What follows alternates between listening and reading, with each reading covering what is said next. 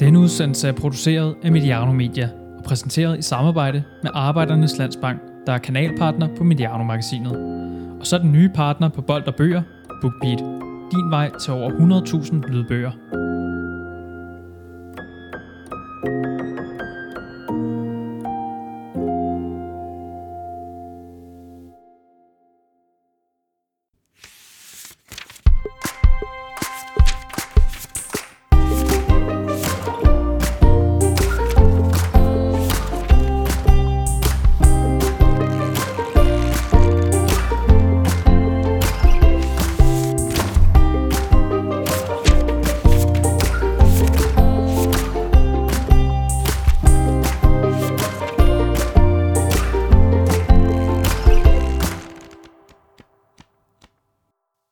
I også tilbage.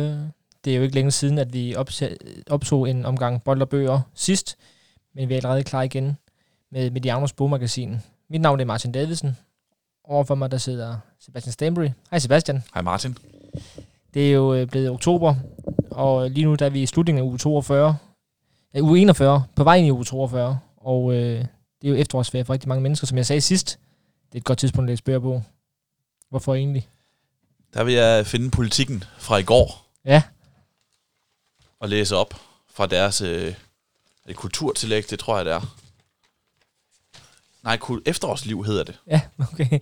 Og en rubrik, der hedder, det er tid til at tænde læselampen. De lyse aftener med leg udenfor er forbi. Vi trækker indenfor, og mange finder bogen frem. Og så går de så frem til at anbefale en masse børne- og ungdomsbøger. Mm. Øh, men det er jo rigtigt nok. Ja. Altså, de lyse aftener er forbi. Hvor meget vi end holder af dem, det er mørkt udenfor om aftenen. Ja. Øh, det gælder de børn, der leger udenfor. De, det er ikke noget lys at lege længere. Det gælder alle også lidt ældre, som måske har øh, brugt en masse tid udenfor til at grille og gå på stranden mm. og gå ture og sådan noget. Det kan man stadigvæk. Men det er mere oplagt. Eller ja. det er i hvert fald oplagt lige at gå rykke ind i sofaen og åbne en god bog. Specielt nu, hvor det efterårsferie. Absolut. Så, øh, og jeg ved jo, du kommer lige fra en, du har holdt øh, efterårsferie lidt øh, en uge før, så mange andre. Blev der også læst nogle bøger der? Jeg var jeg, i sidste uge, uh, sidste udsendelse, som ja. jo faktisk var i sidste uge, ja. øh, fortalte jeg om en rigtig god form ja. med, med boglæsning. Og ja. jeg har læst tre bøger siden da. det er helt så, vildt. så det kører. Så du har noget at, at, at snakke om, når vi skal tale om det, vi har haft gang i siden sidst. Ja. Det lyder godt. For vi skal selvfølgelig også tale om bøger i dag. Øh, vi har nogle anbefalinger, vi har nogle temaer. Et tema, vi skal vende øh, udsendelsen her, den er bragt i samarbejde med Arbejdernes Landsbank, der jo er kanalpartner på Mediano-magasinet. Og så BookBeat, der jo er vores nye partner her på Bottler Bøger. BookBeat, det er jo bøgernes svar på Netflix, hvor man kan finde over 100.000 e-bøger og lydbøger, og vi er rigtig glade for at have dem med ombord, fordi øh, vi jo så kan bruge endnu flere kræfter og flere ressourcer på det her. Og så har vi vores egen lille kategori inde på BookBeat, hvor øh, der er en masse af de bøger, som vi har anbefalet gennem årene, og den bliver opdateret løbende. Og så kan man jo som Mediano-lytter benytte sig af et tilbud, som det giver første måned gratis på BookBeat, øh, hvis man følger det link, der er lagt ud med den artikel, som følger den her podcast her. Vi skal lige have nogle flere bøger ind på den der liste der, Sebastian. Men, det skal øh, vi. Der er nok at tage af. Ja, det må vi sige. Øh, det må vi gøre, efter vi har lavet den her optagelse her, måske kan vi, kan vi, øh, kan vi prøve at kigge på det. Men øh, vi skal jo tale, vi kan lige starte med, med ugens tema, det er jo øh, bøger om trænere. Det er der været rigtig mange af. Men inden vi sådan øh, fortæller om det, så har vi jo siden sidst, vores opvarmningsøvelse, mm. hvor vi lige fortæller om de bøger, vi har haft snuden i, øh, siden vi optog sidst. Og ja, det er jo så kun 10 dage siden, øh, men du har simpelthen nået tre bøger. Ja, okay, okay ret skal være ret. Den ene var jeg i gang med, den anden har jeg læst fra enden til anden, og den tredje mangler jeg lige 80 sider i, eller sådan noget. Ja. Øh, så jeg, jeg er en, næsten tre bøger, vil jeg sige. To, to hele i hvert fald, hvis vi sådan lægger det hele sammen, siden, siden vi optog der for det var det nu, øh, ni dage siden, ikke? Ja. Øh, men øh, ja, det, det, det, har været, det har været godt, og jeg kører videre, og jeg får sat sig på at holde min form. Jeg havde jo, jeg kan ikke huske, om jeg har nævnt det her tidligere, men jeg har jo altid en målsætning om at læse en bog om ugen. Og der er jeg altså, der er, jo, der er jeg ikke, det kommer jeg ikke til at ramme i, i 2020, men, men jeg prøver at se, om jeg kan have lidt ind på det, jeg ja. ikke har nået i, i første halvdel. Det er stærkt. Jamen, jeg, øh, jeg, den gang det så arbejdede jeg gemmer mig bag med, for der har lige været en, en stor opgave, der har fyldt alt, siden vi optog sidst, men øh, men jeg har til gengæld så kunne benytte mig af det her øh, lydbogstjeneste BookBeat, øh, fordi jeg så kunne, kunne høre en bog i stedet for. Øh, og det var den, jeg faktisk teasede for sidst med, mm.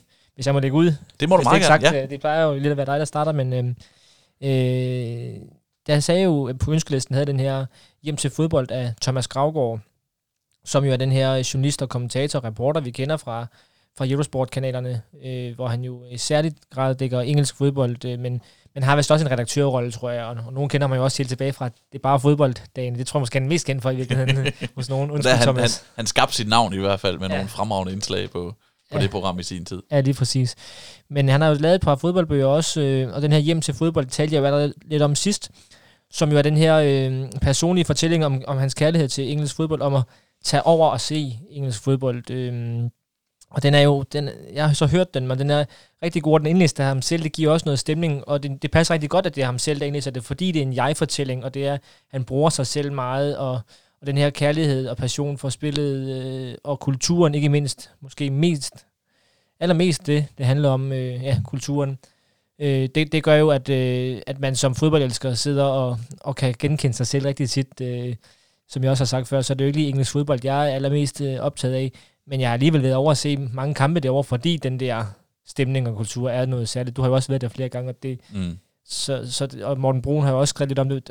Det er jo et udtømmeligt emne, tænker jeg.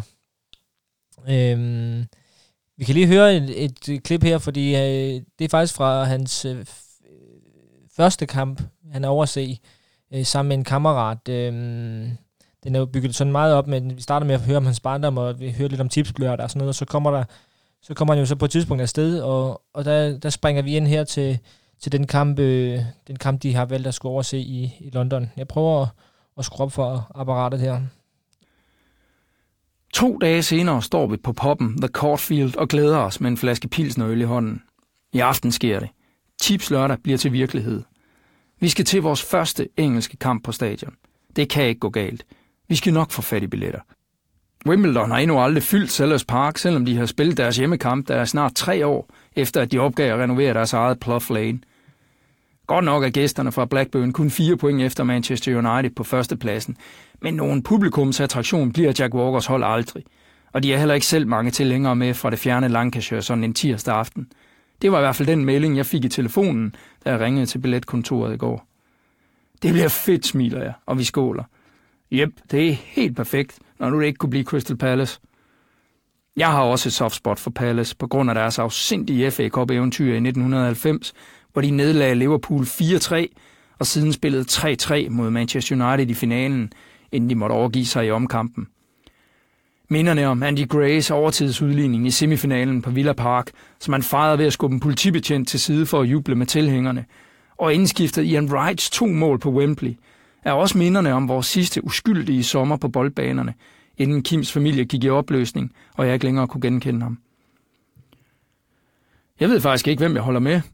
Jeg vil gerne have Blackburn til at hænge på United, men de køber sig jo bare til det hele, siger jeg med henvisning til de astronomiske summer, manager Walker har brugt på stjerneangriberne Alan Shearer og Chris Sutton. I alt 8,3 millioner pund har de to kostet. Sindssygt. Ja, Wimbledon er der også meget nuller, svarer Kim velvidende, at det nok ikke er det helt rette ord til at beskrive Winnie Jones, Warren Barton og de andre bandemedlemmer i The Crazy Gang. Men vi bruger det tit, når vi snakker fodboldsympatier. Maradona var nuller ved VM 86, Irland var det ved EM 88, Kamerun ved VM 90, og Ken Nielsen var det, da han hang op under overliggeren i finalen i 92 og hjalp den knap så nuller Peter Schmeichel med at holde målet rent mod tyskerne.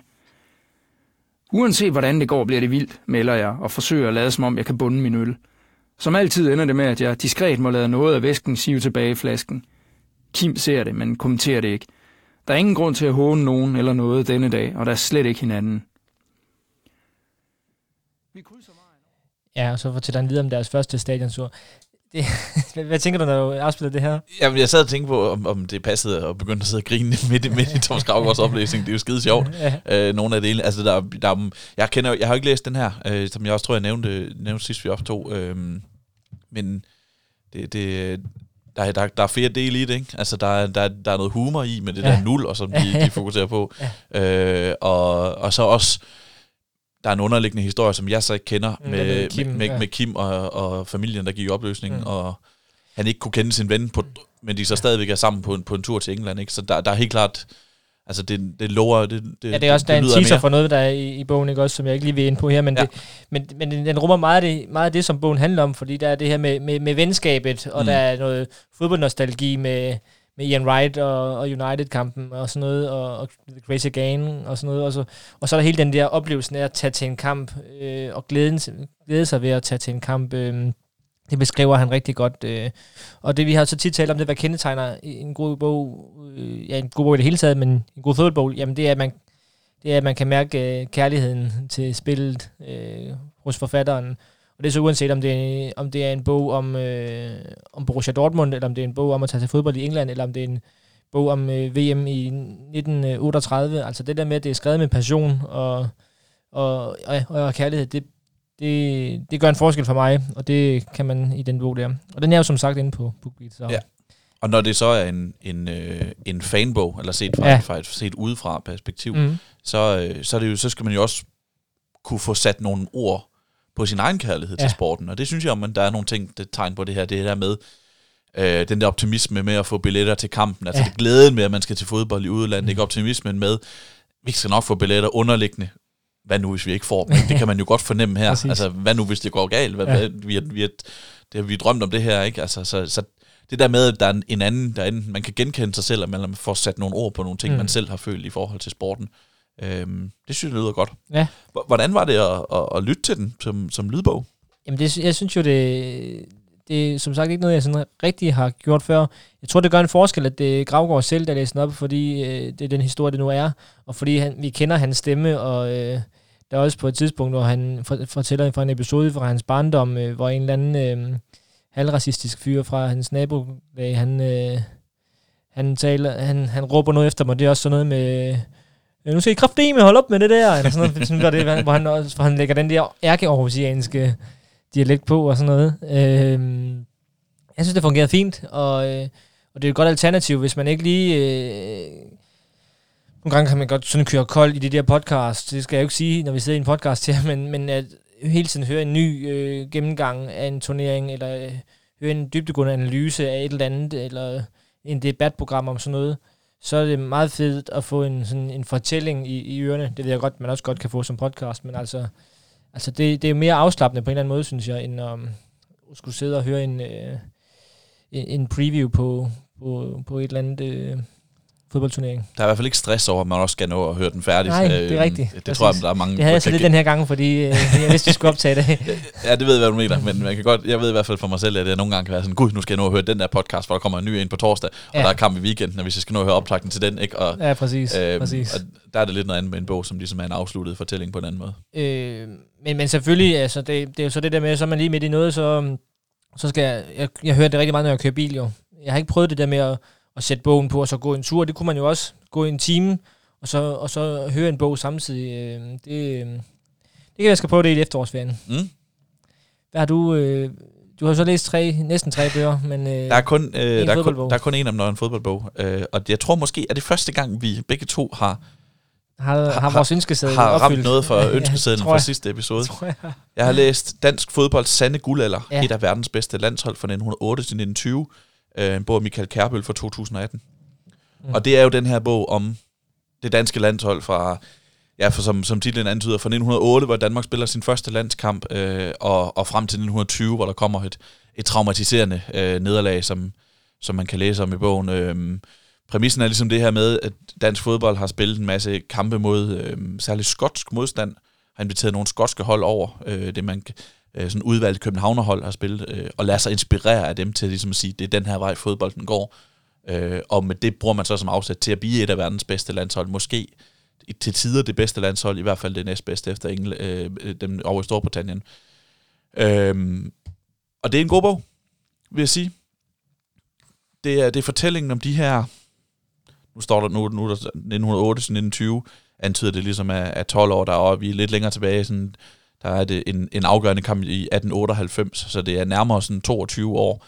Øh, og det er en fremragende research, Michael Kærbøl, han er, han er historiker, øhm, og han er ved tydeligvis, hvad han laver. Jeg føler mig taget i hånden og føler, at Mm. det er den her, ham her, det er ham, der ved noget om det. Det er ham, der fortæller ja. den her historie. Og så er der sådan gode personbeskrivelser fra en bemærkelsesværdig tid. Øhm, det er jo den samme sport, som de spiller i dag. Det er bare en, en helt, helt anden verden. Øh, nu, der er, jo, der er jo noget ironisk i det der, det er helt tydeligt, Thomas Gravgaard også er opmærksom på, det, det du lige, øh, vi lige fik læst op, ja. med det der med de der astronomiske det, summer, ikke? Ja, ja, det der var jo i slutningen af 80'erne. Øh, ja, start 90'erne, 90, 90, ja. tror jeg, midt 90'erne. Ja. Øhm, og siden han er bare, sporten jo bare eksploderet, ikke? og jeg sad og, og læste den her bog i mandags, hvor der var deadline, transfer, mm. transfer deadline dag, ikke? Ja. Og det er jo en helt anden sport i dag. Ikke? Altså dengang det handlede bare om spillere, der skiftede, så var det, det ene økonomisk, altså det ene vanvittige mm. beløb efter det andet, ikke? Øh, og fuldstændig gang i den der kommercielle maskine, som fodbolden er. Øh, og det var det jo ikke den her gang. Altså det var dengang, hvor amatør var et æresbegreb. Mm. Og øh, der er nogle, nogle sjove anekdoter i undervejs. Øh, der er sådan en anekdote med nogle skotter, som afholder sådan en demonstration i førstegangsafleveringer efter en banket, og det gør de i laksko og, og smoking, øh, fordi de er inviteret over, ikke? og så vil de lige vise, sådan her fungerer f- konceptet førstegangsafleveringer. Ikke? Øh, så er der den om B93, Karl Sørensen, som udskyder sit bryllup for at deltage i en øh, turneringskamp. For han starter med at lave, med lavbud, holdkammeraterne siger, det er ikke så godt, Karl. Vi har altså ikke nogen anden målmand. Ah, så må han lige snakke med kæresten. Så får de simpelthen, gæsterne var inviteret, og, øh, og, øh, og kirken var booket og så videre, ikke? men, men øh, de får simpelthen, får simpelthen udskudt sit bryllup for at deltage i den her kamp med B93, hvor der jo altså intet andet er på spil end, end æren og hederen, for der er ikke nogen mm. økonomiske mm. gevinst i det, i det hele. Og så er der nogle interessante koblinger til nutidens spil, sådan noget med, man kan godt genkende noget af taktikken faktisk. Altså det der med, ja. at øh, det der Danmark, grund til, at Danmark bliver så gode, er for det her, det, det her med, at man lader sig inspirere af skotternes uh, short passing. Mm. Ikke noget med at drible for meget, ikke noget med at sparke lange bolde, men aflevere bolden til hinanden, søge de tomme rum, og ligesom lade bolden gøre arbejdet.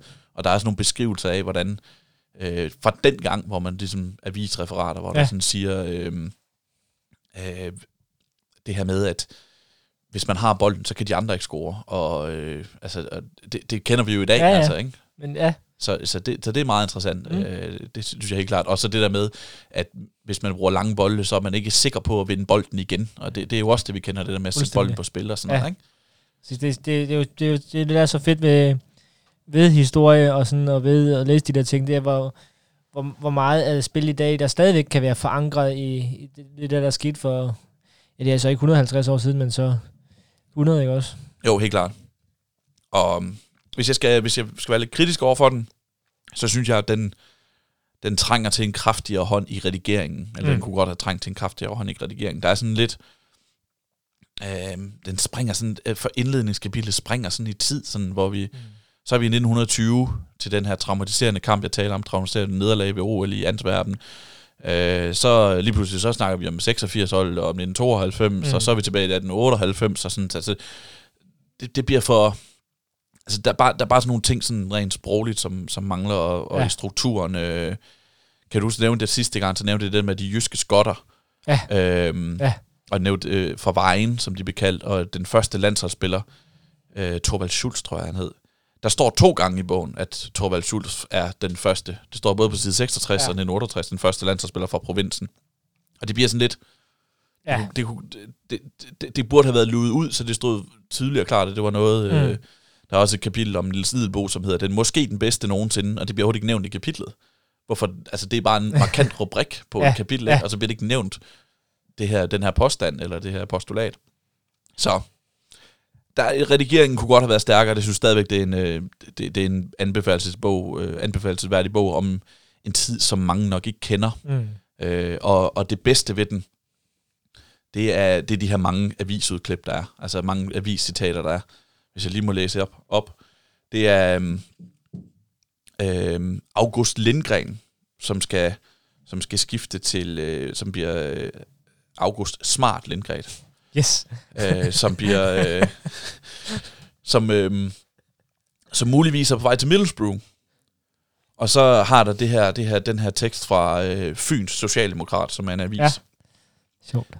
Englænderne tager en af vores bedste sparker med sig, når de i aften rejser hjem til Old England. Det er en muresvend Lindgren, der har nået en fænomenal færdighed i det, han sparker så, lige så godt med hovedet som med benene. når han virer hele sit liv til fodboldspil, vil han antageligt udvikle sig til en enestående sparker, som betales med svimlende summer, og den slanke mess i London, som den smukke Madame i Paris og den lyse Mø i Danmark, vil i forening binde ham sejrens værdige lavbærkrans. Derfor råber vi, opdrenge, betragter nationalhelten Lindgren og sparker som han, ti, der ligger verden åben for æder. Leve det danske spark, der skal bringe redsel over den gamle verden. Rolig. Men forrygende, ikke? Altså det, sådan skrev man engang, Ja? Om, det og, det, og det er bare fedt, og der er så mange eksempler på det der Ja. med de der gamle citater. Der er nogle gange, så citerer han nærmest hele avisartikler med Michael Kærbøl, forfatteren her. ja. Øhm, og ja, hvis jeg lige skal lave en afrunding på den her, så øhm, synes jeg klart, det er en bog, man skal læse, og Michael Kærbøl, han øh, giver selv begrundelsen for det i afslutningen på første kapitel. Først og fremmest handler denne bog om en epoke, der, ligesom de mennesker, der skabte den, ikke fortjener at være glemt. Det synes jeg er en fin måde at runde den af på. Ja, det synes jeg også. Øhm, og det er måske en, en halvkiks overgang herfra, men, men, men øh, de bøger, vi skal tale om nu, nu, det er også folk, der måske ikke fortjener at blive glemt, fordi Mm. det er i hvert fald øh, personer, som øh, der er nogen, der har tænkt, at øh, dem skal der laves en bog om, fordi de har leveret et indtryk. Vi skal tale om fodboldtrænere, Mm. bøger om fodboldtrænere. Og, øh, og dem er der jo der er rigtig mange af. Øh, rigtig mange af. Vi sidder jo her på mit øh, fodboldværelse i dag, og, og der er i min bogreol en del øh, bøger om fodboldtrænere, eller af fodboldtrænere. Hvorfor tror du egentlig, at, der, at også de får, får, får mange bøger, fordi det er jo egentlig ikke øh, dem, der spiller kampene. Nej. Og måske netop derfor, øhm, hvis jeg skal være en lille smule provokerende, så er de faktisk måske mere interessante, end spillerbøgerne er. Fordi trænernes arbejde er hemmeligt. Øh, jeg har Mm. lige set den dokumentar, der hedder Take the Ball, Pass the Ball, som handler om Guardiolas fire år som FC Barcelona-træner. Øh, som jo er bygget på en bog, øh, som jeg har glemt lige nu. Graham Hunter har skrevet den. Jeg tror, Mm. den hedder historien om verdens bedste hold, eller sådan et eller andet i den stil. Og i den så siger Guardiola, at det, det er spillerne, det handler om, og træneren, de er bare kattier. Mm. Øh, men nogle gange, så er de altså, synes jeg personligt, så er de nogle ret gode kattier. Altså Guardiola selv er jo det bedste eksempel, der tog det her hold, som i 2008 var blevet nummer tre i La Liga, hvilket var en skuffelse for FC Barcelona. Og et år senere, så havde han vundet the triple ved at blandt andet mm. At smide den største stjerne, Ronaldinho, på porten. Ikke? Øhm, og det er jo interessant. Og fodbold handler om koordine- koordinationer. Og det er for mig interessant, hvad der skiller den enkelte træner ud. Mm. Og, og som jeg siger det her med, at grunden til, at de måske er mere interessant end spillerbøgerne, er fordi vi kan se, hvad det er, spilleren kan. Altså, hvis man tager ud på et stadion, eller tænder for et tv, så kan man se, hvad spilleren er god til. Mm. Ikke? Altså, kig selv. Hvorfor er en træner god? Altså, det er, sådan, det er på grund af de ting, vi ikke kan se, når vi ser en fodboldkamp, nødvendigvis. Taktik, jo, man kan måske se nogle taktiske øh, be- beslutninger øh, refereret eller videreformidlet i spillet, men vi, kan ikke, vi, kan ikke, vi har ikke set træneren give dem videre til spilleren. Øh, træningsøvelserne kender vi ikke. Mandskabsbehandling, motivation. Det kan man så læse om i stedet. Mm. Den hedder Barca, verdens bedste fodboldhold Ja. på dansk, den her øh, Graham Hunter-bog. Og den er jo ikke særlig god. Okay, det, det, synes jeg også, den titlen og coveret her ser ikke særlig pænt ud. Det er Det sådan en glorificering af Barcelona, mm. og den danske oversættelse er mangelfuld og sådan noget. Så Ja, den okay. anbefaler vi ikke. Nej. Men, øh, men det her med trænere, jeg er fuldstændig enig i, at øh, meget af det, du siger, det var en, det var en rigtig flot øh, beskrivelse af, hvorfor det er interessant. Det er jo, der er også noget sådan helt øh, jordnært øh, ved det, at de, de har et længere liv øh, ja. bag sig. Altså det er nogle mere erfarne personer, øh, og, og som, øh, som har nogle, øh, nogen har nogle lige i lasten, og nogen har nogle store oplevelser, har et, i det hele taget en større historik at trække på, end en 25-årig fodboldspiller. Altså, Øh, Wayne Rooney, han lavede jo som 26-årig en bog, der hed Min 10-årige Premier League, hvilket jo også er vildt i sig selv, at han havde det som 26-årig. Men hvor jeg sådan tænker, ah, der vil jeg gerne have noget mere kød på. Øh, end, Den var heller ikke særlig god, øvrigt, som jeg husker det. Nej. Øh, så, så, og så er det jo nogen, der, der er jo, i hvert fald mange af dem, og mange af dem, der bliver lavet bøger om, det er jo nogen, der, der virkelig har noget mellem ørerne. Og, og, og, derfor øh, har en, hvis ikke de selv er fortæller i den, så, så er, er de bare interessante personer. Øh, de skal bruge deres hjerne på, i deres job. Spillerne skal bruge deres krop, og det, det kan jo også være interessant at fortælle om, men, men, øh, men men det kan man jo igen, som du selv siger, se, og, og, og det der inden, vi, vi, vi er altid interesseret i, jeg vil ønske, du, man siger tit, jeg vil ønske, at, du tænkte, at, at jeg vidste, hvad du tænkte. Og det er jo det, nogle af de her bøger her, de giver et blik på, jamen det er, hvad de der trænere tænker og gør, og så videre, øh, i, de, øh, i de dage, der går mellem, øh, mellem kampene. Mm. Fordi de der 90 minutter, det er jo sådan en lille del af et fodboldholds øh, hverdag. Ja, det er jo faktisk ikke engang hverdagen. Det er en, øh, en meget, meget lille del af en fodboldholds øh, øh, uge, og det samme øh, af en fodboldtræners øh, uge og liv. Så alt det andet der, som du var inde på, det, det er jo det, vi gerne vil have indblik i. Ja, og, og, og, og alt det, der leder op til de 90 minutter, det er jo det, der er hemmeligt, som jeg, som jeg siger. Ikke? Og det, og det, men det er der, trænerens arbejde er. Altså, det er, når, når, når kampen starter, og tv-kameraerne tændes, og tilskuerne kommer ind på stadion, så, øh, så er det begrænset, hvor meget han kan påvirke. Mm. Altså, han har ligesom ja. skulle gøre sit arbejde om tirsdagen, onsdagen og torsdagen. Mm. Ja. Øhm, så, og, og, og der er kameraen ikke tændt. Og det er også derfor, når vi skal tale lidt om, hvad, hvad der kendetegner en god trænerbiografi, det er jo netop, at det ikke er en lang opremsning af de der resultater der, der sker om søndagen. Det er alt det andet, vi gerne vil, vil vide noget om. Mm, helt klart. Du har jo skrevet en trænerbog. Åh oh, ja. ja. Om Mirakelmageren, prisbelønnet. Ja. Jo tak. Årets øh, sportsbog 2014. Om øh, Richard Møller Nielsen. Mm. Og er det indlysende, at han har et stort navn mm. og vandt EM 92 og vandt jo også King Fat Cup og vandt mesterskaber med OB og sådan nogle ting. Så han har ligesom CV'et på plads. Men, men hvad var det ud over, ud over ligesom at referere titlerne? Fordi det er jo ikke en bog. Præcis. Øh, det kan man læse på nettet. Ja, præcis. Det står på Wikipedia. Mm. Hvad, hvad, hvad, hvad, hvad, vil man så, hvad vil du så gerne fortælle med den? Jamen, Richard Møller Nielsen var jo kendt for to ting, øh, tænker jeg. Det ene, det var, øh, det var titlerne, og det andet, det var citaterne. Mm. Og jeg var meget optaget af, at øh, de to ting skulle fylde så lidt som muligt. Det er selvfølgelig umuligt at ikke at øh, skrive om EM92, og ikke at have et par af de citater der. Men øh, undertitlen er jo... Nej, det skulle have været undertitlen. Historien om Rikard Møller Nielsen skulle egentlig have stået her, men den hedder så bare Rikard Møller Nielsen. Men, men det er jo hans historie, det er jo personen bag, jamen, hvem var, hvem var den her mand, der sagde de her mærkelige ord? Hvorfor, hvorfor gjorde han jo det? Og, øh, og, øh, og, og hvad var det, han gjorde, siden at hans hold kunne præstere så, sådan der?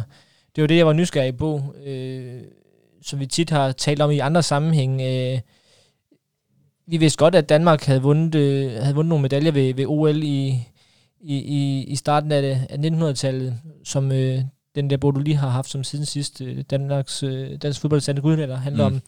Vi kender godt resultaterne, vi kender godt, men, men hvordan, var, hvordan hang det egentlig sammen? Vi kender godt Rikard Nielsen, men, men hvordan var det egentlig, hans liv var? Og og hvordan var han som person, og hvordan var han som træner. Øh, det var det, vi prøvede at få svar på, øh, Nils og jeg, da vi lavede den bog der, Mirakelmageren. Øh, så det var motivationen, det var at, at lære det her menneske godt at kende, som har sat aftryk på, på dansk fodboldhistorie. Mm. Og jeg kan jo godt lide det der med at høre nogle ting, der skiller sig ud. Altså mm. noget, som jeg tænker, det gør de alle sammen ikke. Mm. Øh, og et af mine yndlingseksempler, det er jo faktisk et af dem med Richard Møller Nielsen. Og det er det med dengang, hvor træningsbanen i Odense var, øh, var dækket med sne, hvor han så lånte sin, øh, sin nabos traktor. Var det ikke sådan, det var? Jo, i Overhollof. Ja. ja. Og så øh, kørte han ind, og så ryddede han ellers banen for sne, og så skulle de træne alligevel. Ja, præcis. Og det, det er jo sådan noget, det viser jo det der drive, som, ja. øh, som fodboldtrænerne har. Ja, det er de der eksempler der, det er det, som de her bøger, vi skal tale om, gerne skal være fuldt af, eller fyldt med. De der eksempler på, på øh, på det, de gør, mm. som gør dem anderledes og, og specielle og dygtige. Altså det en anden øh, herlig Richard Møller-anekdote, hvis vi skal tage en mere af dem. Det kan vi ikke få for mange af. Nej, jeg tror jeg faktisk, det var en, du fandt, for du hjælper jo med researchen. Øh, men øh, da han i, i, i, en gang i 60'erne er at, at førsteholdstræner, lige blevet førsteholdstræner i OB, og de skal have et, øh, et UK-møde. De havde jo også en udtalelseskomité, der skulle sætte holdet sammen med træneren. Og så skulle de holde det møde, de kunne ikke finde ham. Og så efter noget tid, så, så finder de ham så øh, sådan øh, nede i Ådalen i en, en, et, øh, i en afkrog af klubhuset, hvor han står og tager tid på en spiller, der er i gang med at shippe, fordi han lige skulle smide nogle overflødige, nogle overflødige øh, kilo eller gram. Og det er også en meget sigende for Richard Møller, det der med hele tiden at jagte de aller sidste procenter, og, øh, og, og bruge øh, al sin energi på at optimere, optimere, optimere. Øh, Og det skulle så gå ud over en, en stakkels spiller. Og det her var jo, var jo i amatørtiden, så det her var jo en, en fodboldspiller, der, var, der skulle på arbejde, eller havde været på arbejde og sådan noget. Og der kan man jo, det er jo netop sige, det, du siger med, vi, vi ved, at Richard Møller Nielsen har vundet EM92, ikke? Og der går jo en lige linje, fordi hvis vi gerne vil vide, hvorfor var det lige ham, der kunne vinde EM92, der går mm. jo en lige linje mellem ja. ham, som i 1960'erne brugt en afkrog på en tilfældig eftermiddag eller aften, eller hvad der har nu været, på at gøre den der spiller en lille smule bedre mm. til ham, som 30 år senere pressede øh, de der en spillertrup, som ikke var øh, navnemæssigt på niveau med dem fra 80'erne, til at vinde Europamesterskabet, fordi han fik de sidste procenter ud af dem. Ikke? Mm, ja, lige nok det. Øh, så, Eller hjælpe dem til at få de bedste ja. sidste procenter ud af sig selv, altså uanset hvordan man ligesom framer det. Præcis. Og det er jo sådan det, vi gerne vil, vil læse, når vi, når vi køber eller låner en, øh, en bog om træner, det er, altså det jeg gerne vil læse, det er, jeg er ikke så interesseret, jo, ikke det der med privatlivet, det er ikke så meget det, med hvor mange børn han havde og så videre, men mere den der mennesket, personen, altså det vil jeg egentlig også gerne blive klogere på, altså hvad er det, der har formet ham som person, vi, nu refererer vi igen til Rikard Møller, det der med, at han, han får en, en knæskade som, øh, som 25-årig og må stoppe som fodboldspiller, og han har den her kærlighed og passion for, for fodbold, og det ved han ikke, hvor han skal gøre af, når han ikke kan spille. Så bliver han træner. Øh, så hvad er det, de har med i bagagen, de der trænere øh, uden for fodbolden? Det vil jeg gerne have svar på, og så vil jeg, så, som du lige har sagt, gerne have svar på, jamen hvad er det så, der gør dem til en, en dygtig eller en speciel træner? Mm. Det er ligesom de to ben, jeg synes, en, en god bog om en træner skal gå på. Ja, øh, helt klart. Øh, det er i hvert fald det er en del af det. Jeg vil, jeg vil gerne have at vide, hvorfor han er så god, som han er. Altså, eller hvad gør ham til en god træner, ham her? Hvad, hvad gør, at han har kunne opnå de resultater, han har mm. kunne? Øh, med eksempler på det. Hvad skiller ham ud? Og så vil jeg også gerne høre noget om, hvor ekstremt livet er. Altså det der mm. med liv ja. som ekstremt liv som træner ja. Jeg husker en, en gammel anekdote, øhm, og jeg parafraserer her, men det var Kasper Julemand, der fortalte, da han var i Champions League med FC Nordsjælland i 2012, så har han været med til det der trænerseminar, mm. som, øh, som UEFA altid holder for Champions League-trænerne op til, at det er lodtrækning, eller hvad det nu er, men det har sådan en god frokost, hvor man jo gerne vil være fluen på væggen. Og der kan jeg huske, Kasper Julemand, han fortalte, at han kom hjem, at øh, Jose Mourinho på et tidspunkt havde taget ordet og sagt noget i stil med, at jeg, han altid har at komme her, fordi I er de eneste, som ved, hvordan det er. Mm. Øh, og, og, og det er det jo, altså. Ja. Det, vi, du og jeg kan ikke forestille os, hvordan det er at være træner i en Champions League-klub, og det pres, der følger med, og, og det liv, hvordan det er, øh, og hvordan det er, at selv de bedste af trænerne er som regel blevet fyret af skille i gang, ikke? Det, øh, det med, at ens jobsikkerhed, den er så usikker, som den er. Øh, men måske er der nogle bøger, der kan fortælle os noget mere om det. Altså specielt, hvis vi, hvis vi kommer lidt øh, tættere ja. på. Altså det, mm. det, det er et interessant liv at, at høre om. Og som du nævner det her med til at starte med, øh, at, øh, hvad hedder det, at det, at, at det er nogen, der ofte har noget mellem ørerne, det er nogen med noget livserfaring, det er lidt ældre, end spillerne er, så er det ofte nogen, man gerne vil høre fra os. Altså det, mm, præcis. Vi har tit talt om det her med at lave biografier om versus øh, og lave biografier med. Jeg synes, med trænere kan der tit være en ræson i at have, have, have dem med, fordi man godt vil høre om nogle af de ting, de har oplevet. Og ja, for de overvejelser, de har gjort. De overvejelser at sætte nogle ord på de der, det der liv, de har levet, mm. og, og den der, det der liv i sporten. Ja. Det kan være, at vi skal sætte et par eksempler på nu, vi, så vi slipper for at tale om, om mirakelmageren. Øh. Fordi vi har jo taget nogle bøger med hver især, øh, som, som vi også kunne tage lidt ud fra, øh, som nogle eksempler på. Både vi har nogle gode eksempler, vi har nogle, øh, nogle øh, hvor det netop er biografier, så har vi nogle lidt mere tematiske, og så har vi også et, et enkelt eksempel på en bog, hvor vi tænkte, det kunne godt øh, gribes anderledes anden. Øh. Men skal vi ikke starte med et par af de, de gode eksempler? Øh, Lad os gøre det. Ja. Du har jo en, en relativt ny udgivelse med. Ja, jeg har taget øh, Niels Lundes aktion, aktion, aktion, da Alex Sornik, Alexander Sornik og Brøndby IF indførte overfaldsfodbold på Vestegn med. Den er fra 2017. Øhm, og den synes jeg bare var interessant, da den udkom. Øhm, det var ligesom Nils Lunde, øh, journalist, som, øh, som er forfatter, journalist og forfatter, som fulgte Brøndby i Alexander Sorningers første år, mm. for ligesom at sætte ord på, eller for ligesom at skrive en bog om, hvordan det var, da han da han trådte ind. Og det var jo rigtig godt set. Altså det, ja. fordi det var en, vise sig en kort vej, men meget begivenhedsrig tid i dansk fodbold. Mm. Øh, med en træner, som skilte sig ud, som jeg har som jeg nævnte. Ikke? Ja, det er sådan en epoke i, i dansk fodbold. Helt klart, og, og det blev det, fordi han var så meget anderledes end de trænere, vi ligesom øh, var vant til at, ja. at, at se i Danmark. Og øh, jeg vil sige, den, den er ikke god hele vejen igennem den her. Mm. Den, fordi, det, kan du vi snakkede i sidste udsendelse, så snakkede vi med Søren Sovnfri fra ja. Sovnfri og Helmin ja. forlaget, øh, øh, om det her med, at de, man skal ikke have referatbøger, altså der bare mm. gennemgår en sæson, ja. og de har en tendens, desværre lidt en tendens til, at det bliver lidt for meget, så gik den her kamp sådan og sådan og sådan. Mm. Men, øh, og det mistænker man, tænker man, fordi Niels Lunde ikke har været fluen på væggen hele vejen igennem. Men han har i perioder han været rigtig, rigtig tæt på den her sæson, og rigtig, rigtig tæt på holdet. Og så kommer man bare tæt på, på Sornikers metoder og, og, og tilgang til, øh, til truppen. Øh, og hvis jeg lige må læse op her, det her fra de aller, aller første dage. Spillerne tog imod Alexander Sorninger med stor respekt. Hans ry som træner, både hans kvalifikationer og hans kompromilløshed, var løbet i forvejen. Han fortalte spillerne, hvad de måtte og hvad de ikke måtte. Blandt andet forbudene var, at de ikke må gå i hvide sokker, at de ikke må have klipklapper på i bestemte områder, og at de ikke må have kasket eller hat på, og at de ikke måtte earplugs i ørerne uden for bussen. Det var regler, som ikke var til diskussion, og som blev håndhævet med konsekvens.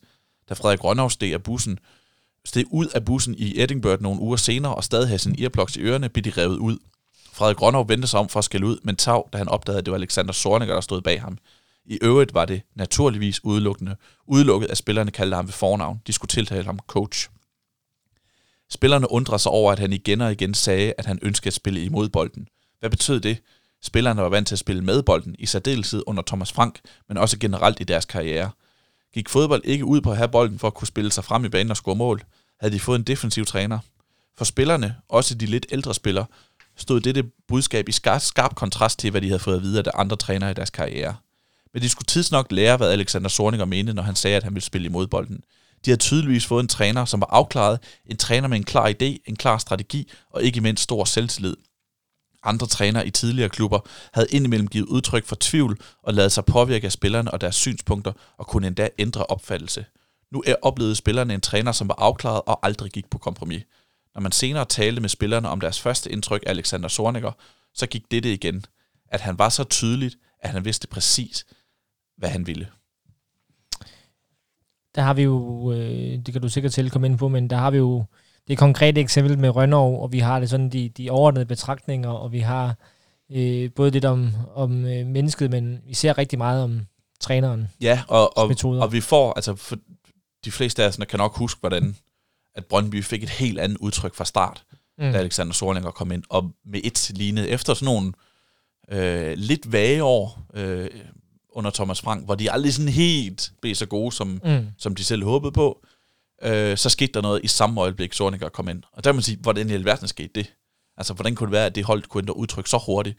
Og det får vi jo forklaring på i et citat som det her. Det var, fordi de fik en træner, som også spillerne reagerede på, som en mand, der vidste fuldstændig præcis, hvad han ville, og så levede de sig med ind i det, og det lykkedes med det.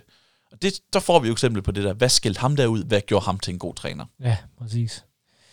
Øhm, og, og det er jo sjovt, at det var Niels Lunde, der, der, der laver den, fordi mm. han ikke er sportsjournalist, mm. øh, ikke fordi man skal være det for det, men han er jo på børsens øh, chefredaktør, ikke også, og, og det er i hvert fald også det der sådan, øh, spærrede lidt øjnene op, da den her bog kom, at det var ham, der havde lavet den, fordi øh, så tænker man jo hurtigt, jamen så handler den rigtig meget om ledelse. Gør, gør den også det? Jeg har ikke læst den. Ja, det gør den. Altså, der er, der er rigtig meget, der er også meget sport i, og der er også meget sådan taktik i, mm. og, og sådan gennemgang af, hvad skal den Brøndby-spillerne sådan spille. Så der er også græs? Der er også græs i, ja, ja. Men, men der er meget ledelse, og det er jo, det er jo klart, det er nok det, som, som, øh, som Niels Lunde ligesom er, er, har købt ind på, hvorfor han gerne vil skrive om, om fodbold øh, og, og en træner på den måde. Og det er jo også et vigtigt øh, ord, altså det er jo ledere dem her.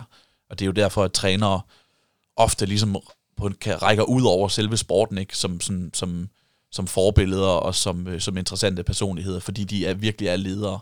Og det vi har jo også set Troels Bæk, som, øh, som gik fra at være træner til at være sportschef, mm.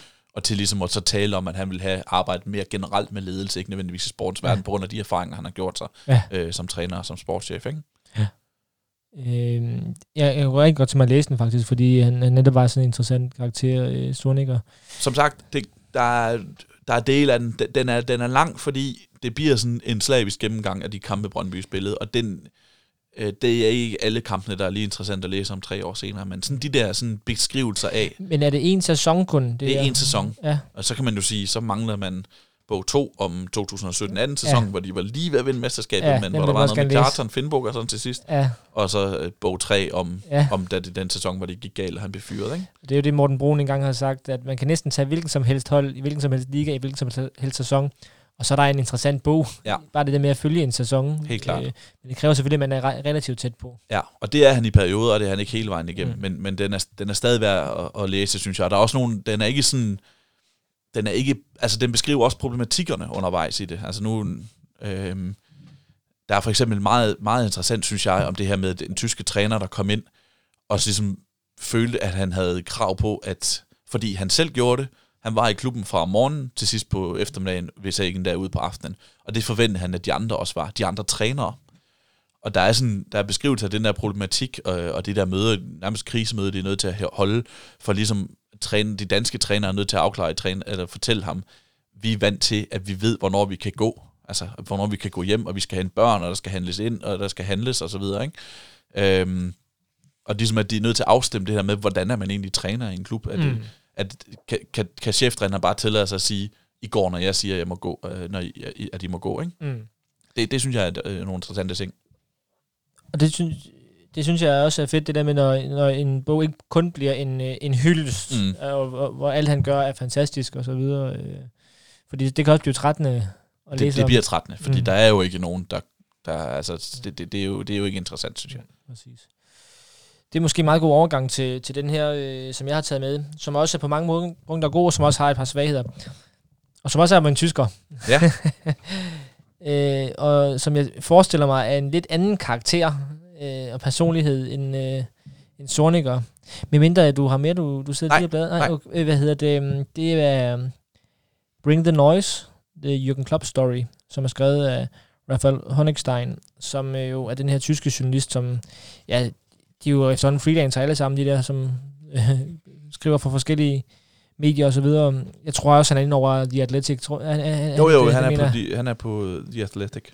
Øhm, det er jo den her Jürgen Klopp-biografi, som, øh, som jo øh, især handler om øh, især handler om hans Liverpool-tid, men som har sådan nogle flashbacks øh, undervejs til øh, ja øh, til, til hans øh, trænerkarriere i det hele taget. Øh, så den, den, den, den, den skifter lidt i tid. Øh, så man også får baggrunden for, for hans øh, vej til Liverpool, årene inden og årene i Mainz, og hans, øh, hans spillertid, og, og, og selvfølgelig succesfulde i Dortmund osv. Men, men rigtig, meget, øh, rigtig meget Liverpool også.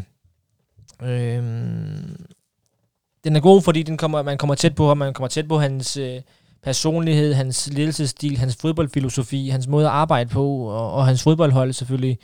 Øhm, men det er meget fortalt af vennerne. Mm. Altså det er øh, assistenttræner og spillere, der har fået meget spilletid under ham, og, og, og venner og så videre, som, øh, som øh, er blevet brugt i den bog her. Så, så vi får ikke så mange af de der... Øh, det er jo også, fordi han er bare Mr. Nice Guy, ikke også? Så man får ikke at vide, at han er et dumt svin, dumt svin ret mange gange i hvert fald.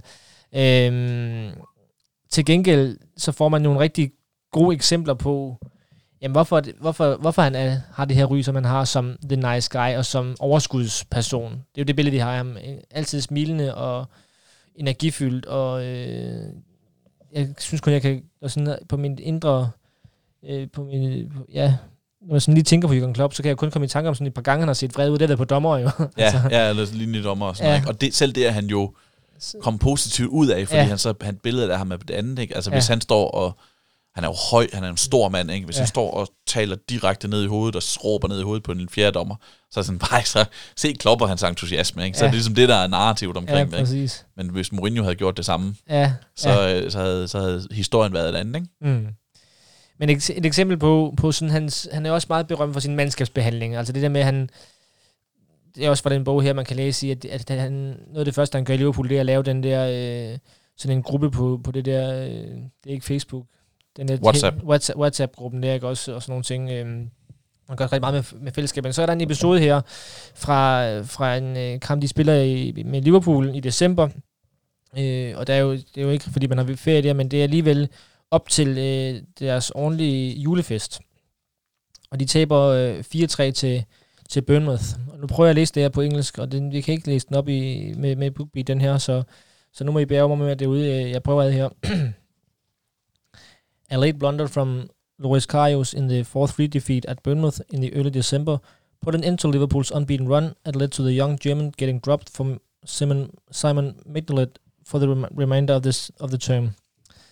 The timing of the the timing of the awful result, the, res- the Reds had been up 3-1 with 15 minutes to go, couldn't have been much worse either. The team was scheduled to fly to Spain for a Christmas party, but Club was unperturbed, however. When we landed in Barcelona, music came on in the plane and he got on the microphone. La- Lalana recalls with a huge smile. He was like, Listen, lads, if we can party when we win, we can party when we fucking lose. So everyone got off the plane thinking, You're right, it is time to party. Let's party, let's have a drink. Which just shows there's more to life than football. Yeah, we did our best, we lost, and yeah, it feels shit to lose, but there's more to that. The older you get, I think the more it hurts, but the quicker you get it over it. Og det er jo så uh, Lalana, Liverpool-spilleren, der fortæller det her. Øh, men det er jo bare, det er jo sådan, man får, man får noget bekræftet af det, man tænker om, om Klopp, at han, øh, at han, øh, altså andre trænere, Soniker vil måske beordre en strafløbetur på Brøndby Stadion kl. 3 om natten, efter at komme hjem med bussen i et europæisk kamp, eller hvornår det nu var, han gjorde det. Øh, det kan også være, det var Superliga, men, men det, det viser jo to for, for, for, forskellen på de to, to træner med konkrete eksempler, og det er det, vi godt kan lide, synes jeg. Mm. Øhm, og der, der er mange af sådan nogle gode eksempler, og man kommer også ind i maskinrummet, hvad, hvordan, han, hvordan hans fodboldfilosofi er og så videre. Det synes jeg er noget af det, der gør, gør bogen her god. Har du læst den? Jeg har ikke læst den, mm. øh, men har helt klart haft den sådan på, på listen over en, en mulighed, fordi altså en, man burde læse, fordi han er jo et af de seneste 10 års mest mm. største træner i, i top 3, vil jeg sige. Ikke? Ja. Altså, øh, så, så han er helt klart relevant og en kæmpe succes, og en, en held i to to store klubber. Det må vi sige. Og jeg tror også, den findes på dansk, hvor den hedder Fuld Fart Frem. Ja, det er vist rigtigt. Oversat, øh, oversat til. Øhm, det, det, der med, det der med balancen mellem fodbolddelen og, og øh, nu var, siger du ledelse med, med Sonic og så videre, men, men det synes jeg, det kan jo godt være svært, tænker jeg, når man skal lave sådan en bog her. Hvor meget skal det være fodbold, hvor meget skal det være mennesket, hvor meget skal vi snakke taktik og, og bruger data, som de også gør lidt i, øh, i klubbogen her, øh, og hvor meget skal det øh, være, være sådan lidt mere eviggyldig fortælling. Vi har jo også lige haft Morten Glindman inde og fortælle om den her Kasper Julemand-bog, som jo er en rigtig meget en fodboldbog, synes jeg. Men hvor vi stadigvæk også får, får et indblik i personen øh, Julemand og hans, hele hans højskoleliv og sådan noget. Det, det er den der balance, det tænker jeg, hvad, hvad, hvad tænker du om det? Altså, hvis vi kigger på sådan det der med, hvor meget skal det uden for fodbolden have fylde. Øh, hvis livet har indflydelse på sporten, eller hvis sporten har indflydelse på livet, så synes jeg, det er relevant at tage med. Og for netop at tage, øh, tage, tage, tage Glindvad, øh, så synes jeg jo, han, han skriver en, en, en rigtig, rigtig meget om øh, øh, i, i, i fodbolddrømmer om Kasper Juhlmann, om Kasper Juhlmanns familieliv. Mm. Og det kan man mene om, hvad man vil, men, øh, men, men jeg synes, det er meget interessant, fordi det virkelig viser, at her har vi en hammerende ambitiøs fodboldtræner. Det er Kasper Julemand, øh, uundtvisteligt. Men det har bare nogle ofre for familien, og han er nødt til at overveje, som selvfølgelig selv sagt også er ufattelig vigtigt for ham. Det er måske de to vigtigste ting for ham, familien og fodbolden. Ikke? Og nogle gange så clasher de bare. Øh, fordi hvis han skal følge sine drømme og sine ambitioner om større klubber i udlandet og Europa, så vil det bare gå ud over fodbold, øh, familien, fordi enten er nødt til at tage afsted uden dem, eller også er nødt til at rive deres liv op med mm. rodet, ikke? og tage dem med til udlandet. Og det, det, det, det er der jo mange eksempler på. Øh, og det er jo super relevant at høre om de der ting, ikke? og måske endda endnu mere relevant i trænerbøger, mm. fordi spillerne er det yngre, øh, og vi har mange eksempler på, på spillere, som får børn i udlandet, og så flytter de hjem og lukker karrieren i Danmark, mm. når børnene skal til at gå i skole, ja. og så har de så er der ikke de store ofre for, for, for børnene. Så er der en hustru selvfølgelig, som, som, som også øh, er nødt til at gøre nogle ofre. Øh, men, men trænerne er ofte det ældre. Det er, og hvis, hvis de skal den anden vej, altså ud til udlandet, skal man så tage børnene med og rive dem ud af skole mm. og ud af deres dagligdag væk fra deres venner og sådan noget. Øh, så der, det synes jeg helt klart er relevant at høre de, mm. Altså de der ting, hvor, hvor der er nogle, nogle kontraster ja. mellem det at være fodboldtræner og, og sportsudøver. Men det var det, du sagde tidligere med, at øh, med Mourinho, det der har sagt, det, det, I de eneste, der ved, hvordan det er. Mm. Altså det der med, øh, at fodbold, livet som fodboldtræner, det er et, det er et 24 timer job. Vi, vi, ja, nu hørte jeg for nylig den her Thomas Helve podcast over i, i Mediano Talks, den her Audi Talks, som Mediano kører med, med nogle, nogle fodboldpersonligheder, hvor han fortæller, hvorfor han ikke øh, skulle være fodboldtræner på fuld tid, altså som assistenttræner i OB. Øh, jeg tror faktisk, Lars Høgh har sagt det, det samme, hvorfor han ikke skulle være sportsdirektør. Altså det der med, at, at som spiller, der, der har du fri, når træningen er slut i virkeligheden. Det kan godt være, at du ikke lige kan gå, gå ud og drikke dig i hegn, men, men du, øh, du kan tage hjem og koble af og slappe af og restituere både i hoved og krop. Hvorimod som træner, der kører det hele tiden. Øhm, og det kan være, vi, det er måske en overgang til lige at tale lidt om en, en af de her, nu springer vi måske lidt i vores manus, men, men de her trænerbøger, de her bøger her, som, øhm, som er, ikke er en biografi, men som handler mere generelt ting. Det er en, det er en bog, som øh, journalisten Hans Jæver, han lavede for en 10-12 år siden, der hedder Vind, Vind eller Forsvind. En bog om at være træner i dansk topfodbold. Det, det er en meget præcis titel, fordi det er en bog om at være træner i dansk topfodbold. Øh, den er udgivet i, i, i 2010, som er en, øh, en 10-12 kapitler med forskellige øh, vinkler på fodboldtræner. Der er et øh, interview med Morten Brun, der fortæller om, hvorfor han aldrig mere skal være Superliga-træner. Der er øh, et øh, interview med, med Henrik Tømrer, tidligere Silkeborg-spiller, om hvilke øh, oplevelser han har haft med træner, også med Ulrik Laversen, altså spillervinklen på, på træneren. Der er et interview med Lyngge Sports, Lyngge Sportsdirektør, Lyngge Jacobsen, som jo også øh, kan se på trænerrollen fra sin øh, sportsdirektørstol. Og så er der øh, rigtig mange øh, ja, trænerinterviews. Udover Morten Brun, så hører vi også fra, fra Troels Bæk og fra øh, Morten Olsen og fra øh, Allan Kuhn, som på det her tidspunkt var cheftræner for FC Midtjylland. Og så med fra Ove Pedersen. Og der er overskriften nemlig fodbold 24 timer i døgnet, som handler rigtig meget om det her fodboldliv. Fordi man har jo det her billede af Ove Pedersen som en, der altid er på et fodboldstadion, eller til en fodboldtræning, eller i gang med at planlægge en træning, eller i gang med at evaluere en træning, eller planlægge en kamp, osv. osv. Øh, hvor han blandt andet bliver citeret for, at øh, folk er forskellige indrettet, og mange kvinder vil sige, at mig kunne de aldrig være gift med. Jeg vil tro, 99 af 100 ikke ville kunne finde sig sådan et ægteskab. Altså fordi det er 24 timers øh, fodbold. Øh, han, han øh, fortæller også, at han, øh, ja, at han øh, at han, at han, at han, når han vågner om morgenen efter en kamp, så det er først, han, han tænker på, det er den kamp der, øh, og hvad der kunne have gjort anderledes, og så videre. Og, øh, så, og det fortæller han ret detaljeret om. Og så bliver han nemlig spurgt til det her med at, at koble af. Han bliver spurgt, kan du godt stresse af og for eksempel koncentrere dig om en film i biografen? Så skal det med med en god promofilm, siger Ove Pedersen i Spøgstrup. Fortsætter så.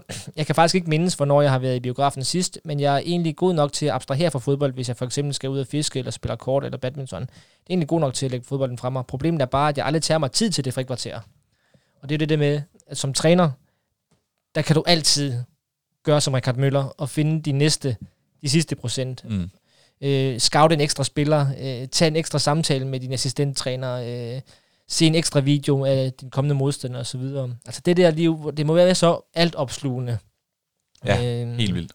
Og det er der jo mange af de bøger, som vi også, øh, som vi måske ikke lige får nævnt i dag, som, som også belyser og berører. Ja. Og så, øh, og så er der også det der med, det er, jo, det er jo helt klart et eksempel på, at at livet, eller hvad hedder det, at fodbolden påvirker livet. Ikke? Og jeg synes også, der er eksempler på det modsatte, og det er jo også relevant, når man taler om, øh, Erik Rasmussen udgav den bog, der hed Tilgiv mig i 2011, ja. Ja. hvor han øh, fortæller om særligt den sidste, særligt tiden i AGF som fodboldtræner der, det fylder rigtig meget, det var ligesom det, der skrev overskrifter. Mm. Og, og der fortæller han jo det her med, at han havde været sin kone utro rigtig mange gange, mm øh, hvilket lev, førte til tilnavn Sex Erik. Hvilket i, var helt øh, skørt, det var i, det, det, i tabloidpressen, ikke? Ja. øhm, og de er beskilt, mm. og det påvirkede bare hans liv. Altså hans trænerrolle helt vildt. Og der er et citat fra bogen, hvor han siger, jeg fejler i den periode. Holdt er til mere end de resultater, vi løber ind i. Min analyser er uskarpe, og jeg bruger ikke nok tid omkring jobbet. Rutinerne omkring jobbet er stadig de samme. Vi analyserer fortsat både holdpræstationerne og de individuelle indsatser for at rykke den enkelte spiller men mentalt har jeg svært ved at fokusere. Mine tanker kredser konstant om mit privatliv og den skilsmisse, der rykker nærmere. Så kan man sige, at man har lyst til at høre om det, og man, kan, om det, man gider læse sådan en bog, men det er dog unægteligt interessant, at AGF rykker ned Ja. i 2014, uh, undskyld, 2010, Ja. delvist, fordi Erik Rasmussen lå i en skilsmisse. Mm.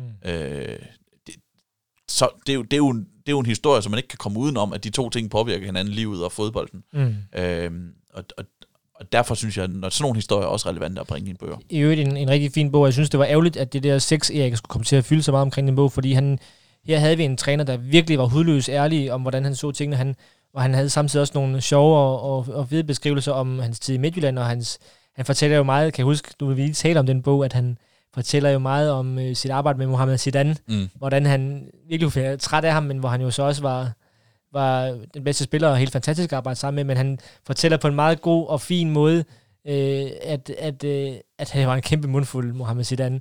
Og jeg var meget konkret med en sæson, hvor han hvor Mohamed Zidane virkelig hænger Erik Rasmussen ud af halsen, da de går på sommerferie, og, og Erik Rasmussen skal ned og, og kommentere VM. Er det VM i, det kan, må, VM i Tyskland? Må næsten være i 6 eller sådan noget? Ja, det tror jeg, han er blevet solgt. Øh, Ja. Kan det være EM? EM i 4 så, ja. ja ja. hvor han så øh, bare glæder sig til at komme væk og tænke på noget andet.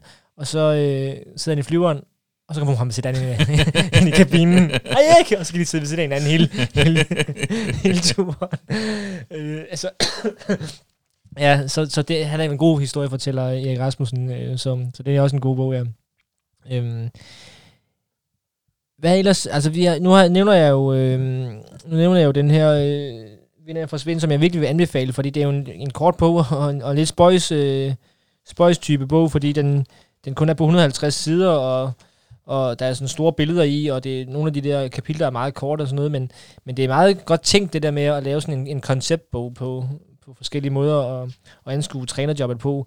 Og så, så er vi, synes jeg også, at vi i dansk fodbold generelt er, er beriget med nogle trænere, der, der har meget på hjertet er gode fortællere, som, som jeg sagde før, øh, så, så er det jo nogen, man gerne vil høre fra Morten Broen, Troels Bæk, øh, Lykken Jacobsen, han er så ikke træner, men altså det, han har jo selvfølgelig været nogen, der, der er god til at sætte ord på tingene. Mm. Hvis man skal tage en, en bog i, i lidt samme stil, øh, så kan man tage den, der hedder Living on the Volcano, som Michael Calvin har skrevet. Den er fra 2015.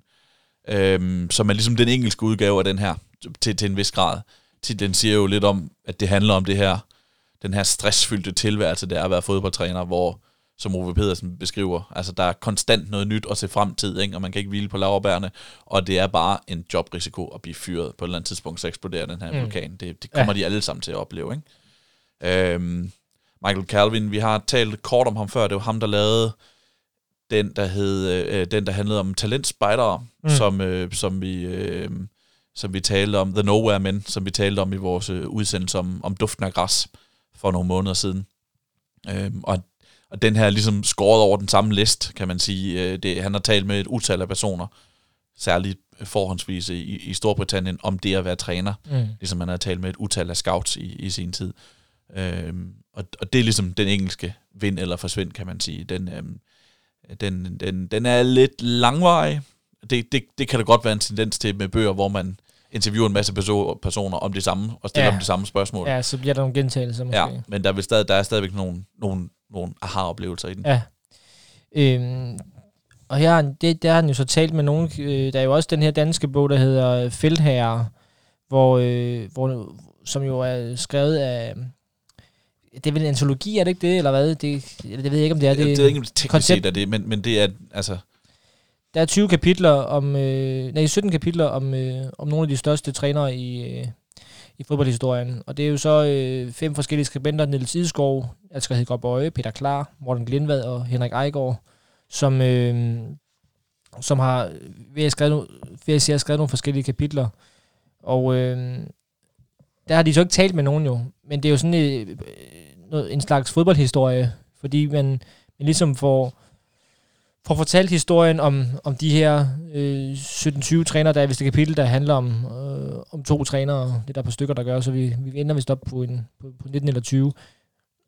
Men den, sådan kan man også gøre det, ja. Og så få fortalt historien om den enkelte træner Det- og- over nogle kapitler, i stedet for at det er en hel bog om, om uh, Sepp Her- Herberger i, i Tyskland, så er der et kapitel om ham her. ja, det er, det, er jo, det, er jo, det er jo de største af dem her. Det er ja. ligesom tanken, at hvis du ser forsiden, Mourinho, Guardiola, Alex Ferguson og Johan Cruyff. Ja, og undertitlen, verdens største fodboldtræner fra Gudmann til Guardiola. Så det er sådan portrætter af de største, og kan, kan noget af det samme. Altså, det, det ser på, hvad, hvad, hvad gjorde ham her til noget unikt? Altså, hvorfor var det, at han kunne opnå de resultater, som, hvad var det, han gjorde? Hvad, hvilket aftryk satte han på fodboldhistorien? Hvis vi for eksempel tager Valerie Lobanowski, eller Bella Gutmann, eller Ferguson, ikke? Ja, der står jo ikke noget nyt i de bøger her, men, men for mig var flere kapitler jo nye, fordi jeg ikke lige kendte historien om Elenio Herrera fra, øh, fra Inter. Mm. Øh, jeg ved jo godt, hvem han er, og hvad han har vundet og sådan noget, men, men og Ernst Happel er et navn, jeg har hørt tusind gange, især når man er på tipsbladet, ja. har gået op og ned i en tidskår, ikke også? Men så få hans øh, historie, øh, og så, så, så, på den måde synes jeg faktisk, den er god at have stående og kunne slå op i, og, og så er de også bare godt, de er jo gode skribenter alle fem her, så... Og man ved, hvad, de ved hvad alle sammen, hvad de taler om, ikke? Ja, altså, ja. er det nøjagtigt. Øhm, skal, vi, skal vi nævne en, som vi, hvor vi godt kunne tænke os, at den kunne have lavet lidt på en lidt anden måde måske, eller, eller, eller hvad? Ja, det kan vi godt.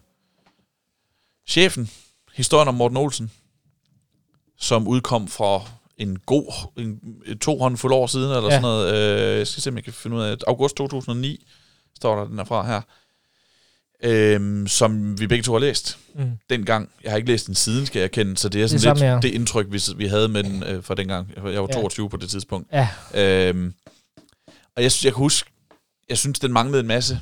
Øh, det, det bliver til en vis grad en gennemgang af, hvad, hvad han har opnået, og hvilken vej til det. Og så kan jeg huske... Ja, der er, mange, der er også mange resultater og kampe, synes jeg. Når ja. Jeg sådan lige... Og det, den hedder chefen, og jeg kan huske, det var det, jeg sad og tænkte på, hvordan blev han chefen? Og det var det, man ikke rigtig fik svaret på. Altså det var det, var det interessant, hvordan blev en, en, en ung mand fra Vordingborg, Faghandlerens søn. Faghandlerens søn til, øh, til chef. Mm. Altså hvordan blev han til en af de helt store lederskikkelser i dansk fodboldhistorie. Øh, måske den største. Det, det synes jeg ikke, man fik svar på. Men det er også en utaknemmelig opgave, fordi Morten Olsen har altid været en øh, åben, som om han, han er typen, der tager telefonen, når han mm. ringer. Når man, når man ringer til ham. Men at han er nok svær at komme ind på livet af. Ja. Og den her bog vil have haft stor gavn af, at han selv var med. Det er han ikke. Den er skrevet, den er skrevet uden ham, den er skrevet med hjælp fra, fra, fra andre kilder. Ja, og, og man kan sige, det er jo også... Øh, man kan så også se på bagkanten tænke sådan, hvor, hvorfor lige på det her tidspunkt og sådan noget, men det, jeg, på det her tidspunkt, så, så ved man jo ikke, at han kommer til at være landstræner i seks år mere. Nej. Øh, men, men, han fylder 60 i, på det her tidspunkt ja, i 2009, der udkommer, så, så det er nok i den anledning. Ja, men, men jeg vil jo... Jeg, jeg sidder jo og tænker, vi vil jo, vi vil jo rigtig gerne have Morten Olsen biografien, ja. øh, og gerne med ham selv som, øh, som med, medfortæller. Eller meget, meget gerne. Øhm, der har også været nogle, nogle piper om, at det ja, var på vej. Ja. Men, men vi har ikke set noget til den endnu. Nej. Øh, det kan også være, at han gør som Sepp Piontek og, og venter til, han sådan er i sin, sit livs øh, virkelige efterår, øh, eller vinter måske. Øh. Den her er på 280 sider, og, og det rummer både hans spillerkarriere og trænerkarriere. Og der, der kan man jo regne ud, at 280 sider ikke er ret, øh, ret meget øh, i forhold til, hvor meget der vil være at fortælle. Det, man burde lave to bind jo. Ja, Fodboldspilleren klart. og så træneren. Øhm, hele landstrænerkarrieren er jo en bog i sig selv, men, men man kunne godt samle det og så tage Brøndby og, og Kølen med selvfølgelig. Mm. Øhm, det, var en, det var en mand, der havde en usædvanlig lang spillerkarriere. Ja. Og var anfører for et af de største danske landshold nogensinde. Mange vil sige det største danske landshold nogensinde. Og han var den første til at runde 100 kampe som dansk landsholdsspiller. Og han spillede i Belgien, og han spillede i Tyskland, og han øh, vandt titler og var på europæisk topsplan og regnet som en af de bedste ligebrugere i Europa. Ja. Og, og så kom der en trænerkarriere, som det, varede endnu længere. Spillerkarrieren, den er så beskrevet på 88 sider. Det, det, det, det vil, nok. Jeg vil gerne have 150 sider mindst for det der. Jamen det siger, det, det skal være en bog på 250 sider, ja. eller 300 sider, ikke? og så bind to om hans trænerkarriere. Ja. Øhm, og, og, og, og, øh, og ja, det er jo så en ting, at den, er, at den er kort, men det er også det der med, at vi, vi savner lidt mere, vi kommer lidt, lidt tættere på. Altså det er jo meget nogle referater, og så nogle citater fra, fra folk, der ganske vist har været tæt på, men som så siger noget om ham. Øh, men jeg synes ikke rigtigt, vi kommer ikke sådan helt derind, hvor det går, gør rigtig ondt eller godt, havde jeg sagt. Øh, vi kommer også lige, det her det er jo lige, det er jo året efter den der... Øh, boykot, øh, presseboykot. Mm. Det kommer der også lige til at der bruge nogle sider på det og sådan noget, hvor, øh, hvor det selvfølgelig er spændende, men, men ja, vi vil hellere have noget mere Morten Olsen, øh, fordi han, han fortjener en, øh, en sådan en verdensklasse biografi. Ja, ja, og, og, og der kunne man jo så godt ønske sig, og al respekt for forfatteren Ja, ja, ja. ja. den her, det Det er ikke er Sten Ankerdal og Kurt Lassen og, og Peter Slot. Det er også nogen, der, der er godt inde i stoffet og kan finde ud af at skrive. Helt sikkert, og, altså det, det, det er dygtige folk, altså det, men det er bare en venstre. det er præmissen for bogen måske, der er problemet. Ja, og så kunne man egentlig godt tænke sig, at man siger, nu, det, der, er, der er sgu nok ikke noget marked for det, men altså, vi optager i dag den 9. oktober, hvor John Lennon ville have fyldt 80. Mm. Og jeg sad og læste en artikel om ham i går, og det er noget med, der er et, en, øh, altså en, en bog på vej om ham, eller er i gang med at blive udgivet og sådan noget, i sådan 4-5 bind eller Ja. sådan noget. Og John Lennon blev altså skudt, da han var 40. Ja. Altså, hvorfor kunne man ikke lave fem bind om Morten Olsen? altså, jeg er ikke sikker på, at der er læser til det, men, øh, men, altså, lave noget men, det. am- men ambitionen i det, altså, ja. er de helt store, og de bliver ikke større i Danmark end Morten Olsen. Det gør de bare ikke. Så man mener om, at han har været med, og det, er net, og det er helt klart relevant, og det vil også skulle afspejle sin bog. Men de bliver ikke større end Morten Olsen. Du kunne tage, han er, han er jo en, nærmest en del af fodbold, topfodbold i 50 år, så du kunne tage 10, et, et bind for hver 10 år. Ja. Øh, jeg ved ikke, om han debuterer som, øh, som 16 år, han stopper jo der som, øh, som øh, 65-årig eller sådan Mm. noget. Så, øh, så det kunne, det kunne man godt gøre. Ja. Den vil vi gerne læse. Og ellers så synes jeg jo, hvis man lige snakker om det, hvad for nogen man godt kunne tænke sig at, at læse... Øh, så synes jeg, at der er nogle danske trænere, som, som om, om 10-15 år kunne være sjove at høre om. Altså Thomas Frank øh, med, med hele hans England og, og hele hans Brøndby også. Mm. Øh, tror, ham tror jeg, der, vil, der kommer til at ligge en bog i på et tidspunkt. Øh, David Nielsen har jo sin spillerbog, men man vil jo gerne høre om hans forvandling til træneren David ja, fra, Nielsen. fra, fra rebellen Ja, David Nielsen til en stadigvæk øh, altså træner med, med go i, men, Ja. men en helt anden type i dag. Også altså fordi- en helt anden ry. Og nu snakker vi om folk, der skiller sig ud. Han skiller sig jo ud fra mm. de andre danske trænere, og har jo også øh, haft nogle, nogle spændende job. Han, han arbejder med Martin Ødegaard op i, øh, op i Norge, og han kommer til, til, til Lyngby, rykker op med dem og, og, og vinder bronze øh, for første gang i den klubs, øh, ja, i mange, mange, mange, mange år for den klub. Kommer så til AGF, vinder bronze for første gang i mange, mange, mange, mange år for den klub. Så han kan jo noget, og det, det vil vi jo gerne blive endnu klogere på. Nu er han jo meget i medierne nu, men altså om, om 10-15 år, når han måske også har været i, i FC København eller i en uddannelsesklub eller et eller andet, så, så, så har han også en interessant historie som, som træner. Ja, og, og her, her er måske endda i, den- i den modsatte grøft. Her behøver det altså ikke være fem binder. Nej, Men nej, nej. der kunne vi godt tænke os, at der var lidt flere bøger om de der personligheder i Superligaen, som, som ikke er Michael Laudrup, eller Morten Olsen, eller Frank Arnesen, eller Preben Elkær, men som stadigvæk har gode historier og interessante og fylder noget. I lavede jo en serie på, på Tipbladet på et tidspunkt, kan jeg huske, øh, som var baseret på den her en, en stille fodboldsnak, I har med kendte danskere, som vi også tit har kommet ind på i den her podcast her. Men hvor det var en stille, trænersnak, eller en stille fodboldsnak med, med de 12 Superliga-trænere, det var på det tidspunkt, tror jeg, Mm. det var. Ja. Hvor I netop spurgte lidt til, hvor, hvor kommer din fodboldpassion fra, og, og hvordan, hvordan er dit forhold til fodbold egentlig? Altså det er jo egentlig den, vi egentlig gerne vil følge ud, fordi de der trænere så tit har noget på hjerte, og fordi, som jeg sagde tidligere, jamen i dansk fodbold, der er vi faktisk beriget af nogle, nogle trænere, der gerne vil fortælle, og som godt kan fortælle. Mm, helt klart. Øh, Så, så, så øh, forlaget derude, kom i gang med at lave nogle, øh, nogle trænerbøger. De, de kan noget. Helt sikkert. Og de fem binder Morten Olsen vil vi også gerne have. Ja, præcis. Øh, Og nu er vi er ved ønskerne. Skal vi så ikke rykke over til ønskesedlen, medmindre du brænder ind med noget omkring vores øh, trænerbogs Nej, det gør jeg ikke. Så, så, lad, os- så lad mig høre, hvad du... Øh, Vi kommer nok, vi kan sige, at vi kommer nok til at snakke om trænerbøger i fremtiden. Helt det her klart. det er et kæmpe emne, og vi har været vi har kun lige dykket ned over Ja. overfladen i det og snakket sådan lidt øh, generelt om, hvad vi godt kan lide ved trænerbøger, hvad vi ønsker os af dem. som altid er det øh, på ingen måde øh, komplet lister. Vi har slet ikke berørt Johan Grøf, som er, der er blevet lavet mange, mange bøger om. øh, Og, og jeg som sagt, som jeg lige kigger der, hvor du sidder bag, bag dine skuldre, så er der jo flere af de her trænerbøger på, bare på min hylde, som vi heller ikke øh, har fået nævnt. Brian Clough er jo også nærmest et emne i sig selv, som er også har lavet et par gode bøger om. Pep Guardiola, der har lavet nogle gode bøger om. Øh, og sådan kunne man jo blive ved. Mm. Ønskesedlen. Ønskesedlen. Noget helt andet. Jeg har taget en bog, der hedder Football School, Epic Heroes, 50 True Tales That Shook the World, som er skrevet om af Alex Bellios og Ben Littleton, og udkom 1. oktober 2020. Øhm, det er en børnebog. Ja. Ben Littleton, hvis vi tager to forfattere, Ben Littleton, han har skrevet den for mig øh, definerende bog om straffespark. Den er- hedder 12 Yards. Jeg kan, har vi nævnt den? Og vi har i hvert fald Vi har, vi har været omkring, vi har aldrig siddet og haft sådan et helt segment om det. Sådan. Men Mm. mm. det er for mig, den er ligesom, hvis jeg skal vide noget om straffespark, Ja. så den, jeg slår op i, den stående inde på hylden.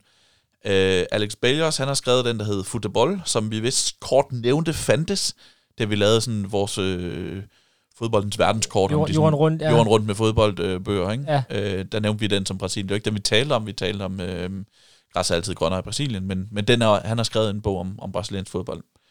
Og de her, det her, det er den, øh, den hedder Football School Epic Heroes, er den 9. bog i en børnebogsserie, som de har skrevet sammen. Øh, og jeg har jo selv skrevet en børnebog baseret på virkelig fodboldhistorie, så jeg synes, det er en spændende idé. Mm. Og, øhm, og, og 50 fortællinger, og mange af jer har siddet og bladret lidt i den. Øh, den, den, ser, den, ser, den er rigtig spændende, velfortalte, gode historier, interessante historier, fortalt af to kompetente personer, som, øh, som ved, hvad de snakker om. Og det er, det, det er valgt ud fra sådan kriteriet gode historier, som Mm. vil være interessante for børn. Ikke? En Ja. Helt simpel. Ja. Øh, og de historier, der er interessante for børn, er også, også interessante for, for, for voksne ofte. Mm. Ikke? Øh, der er blandt andet to danske historier i træk, om Thomas Grønnemark, indkast kongen, Okay. Han, er, han har et kapitel om sig, og øh, Pernille Harder, Ja. og hendes forhold til øh, Magda Eriksen, den svenske øh, Ja. kvindelige øh, fodboldspiller, Ja. og deres, øh, deres øh, ja, romantiske forhold. Så det, øh, det synes jeg var, det, dem havde jeg ikke forventet at finde i sådan en bog, vel? Men, men de er med. Øh, mange tegninger, det er korte historier, og to, som sagt, to vidneskribenter. Dilemmaet, det er, det er helt tydeligt en børnebog, det kan man se på tegningerne, se på længden af kapitlerne, men den er på engelsk. Så den er Mm. måske sådan velegnet til lidt ældre børn, som er i gang med at, at lære engelsk på sådan, jeg vil sige, letteøvet niveau, og øh, måske er, er i gang med at udvikle sig til, at- til, til at lære rigtig Mm. engelsk på, på, på et højere niveau, øh, ja. Og som gerne vil læse nogle, nogle gode fortællinger undervejs. Ellers så kan man stadigvæk få Loppen Elefant Kongen og de andre fodboldhelte, hvis man vil have en dan- børn, børnebog på dansk. Jamen, øh, det kan jo være, at, øh, der er mere at fortælle om den på et tidspunkt, men øh, det, det, jeg kan godt lide de der bøger, der, der skiller sig ud på en anden måde som den der. Mm. Jeg var- har været på Amazon. Ja. det går jo altid galt. Jeg øh, begrænsede mig dog til tre bøger den her gang. Men jeg kunne godt have... Jeg tror lige en fra til sidst, og det har jeg allerede fortrudt. Den skulle bare tage med jo. Fordi... Men... Øh, og, og to, jeg har, to bøgerne, jeg har bestilt, de, de hænger egentlig sammen, fordi, øh, og den jeg så vil nævne, det er den, der hedder Black Boots and Football Pinks, 50 Lost Wonders of the Beautiful Game, som er skrevet af Daniel Gray. Og den hænger jo sammen med øh, den anden bog, han, øh, som han også har lavet, som du, jeg mener, før, du har før talt om den her i, øh, i, i vores øh, podcast, Saturday 3 p.m. Ja, den Øh, tror jeg, vi talte om, da vi lavede, også da vi lavede øh, øh, Duften af Græs. Ja, 50 Eternal Delights of Modern Football. Nu har jeg bestilt begge to. Mm. fordi jeg synes, den lød så fed, den der Saturday 3 p.m.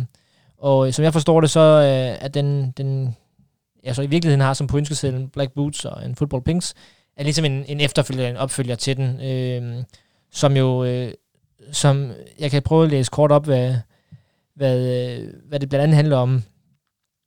Goalkeepers and trousers, proper division names, turf patterns, pixelated scoreboards, and of course Saturday evening pink newspapers. They were the greatest starters that made football sparkle. Og det er, så, så det er jo en samling af de her ting, som øh, vi ikke ser så ofte længere i, i fodboldens verden, som, men som vi alle sammen har et rom- romantisk forhold til, et Mhm. nostalgisk forhold til. Øh, Så det tænker jeg, det er lige en for, for, for mig, der, der er rundet 35 og synes, øh, mange ting var bedre i gamle dage. Og egentlig en fin tråd til, øh, til Thomas Gravgaards hjem til fodbold. Ja, ja. Fordi der vil, der vil være, når du åbner den, og når du får den, og jeg glæder mig til at høre, hvad du, hvad du synes om mm. Mm. den, når den er dukket op, øh, så vil der være rigtig meget af det der, som du kan tænke, gud, det kan jeg genkende det der. Sådan Ja. ja. har jeg det også med sorte støvler, eller med Mm. øh, målmænd i, i, i lange bukser. Præcis. Øh, så, så ja, den glæder jeg mig til, og, fordi, og jeg glæder mig også til den, som du har fortalt om før, Saturday 3 p.m., som jo var den, den her bog om, om små øjeblikke, der, der gør fodbold fantastisk. Mm. Øh, øh, ja, du, du har jo selv øh, du har fortalt om den før, men, men det, det glæder jeg mig også til at, at læse selv. Og det er, det er korte bøger, som er nemme at komme igennem, og som bare lige skal sætte en stemning i, i, i hjertet og hjernen på en, vil jeg sige. Det glæder mig til. Jeg glæder mig også til, at vi skal op til næste gang. Nu går der nok lidt tid, fordi vi er jo for en gang skyld i starten af måneden, hvor vi optager Mhm. det her. Men, øh, men vi er vel nået til vejs ende, Sebastian. Det vil jeg sige. Der er masser af sportsbøger og fodboldbøger, som vi skal have kigget i den kommende tid, og øh, vi nærmer os jo også så småt noget jul, så må ikke, at vores næste udsendelse kommer til at have et eller andet med, med en ønskeseddel at gøre. Det tror jeg. Mm. Det planlægger vi. Ja. Så øh, hold øje med, øh, med bold og bøger om en måneds tid, når vi, hvor vi prøver at have en, øh, en, øh, en udsendelse klar igen. Og indtil da, så kan I jo klikke ind på BookBeat, som jo er vores, øh, vores partner på, på bold og bøger. Det er den her øh, tjeneste, hvor man kan få et gratis månedskab, gratis måneds medlemskab, hvis man følger linket ind på mediano.nu, den artikel, der medfølger den her podcast til at BookBeat. Det er vores nye partner, og de er partnere sammen med Arbejdernes Landsbank, der er kanalpartner på Mediano-magasinet. Tak til dem, og tak til jer, der lytter med hver måned.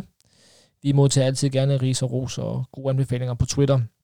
Vi er jo ikke objektive sandhedsvidner her, og laver ikke komplet lister, det er bare sådan, vi ser tingene, og vi godt kan lide at tale om her. Og som sagt, så er vi tilbage igen i november. Det er også en god måned at læse bøger i. Jeg hedder Martin Davidsen. Jeg hedder Sebastian Stanbury. Sammen udgør vi hold, der laver bold og bøger, og det gør vi som sagt igen om en måned. På genhør.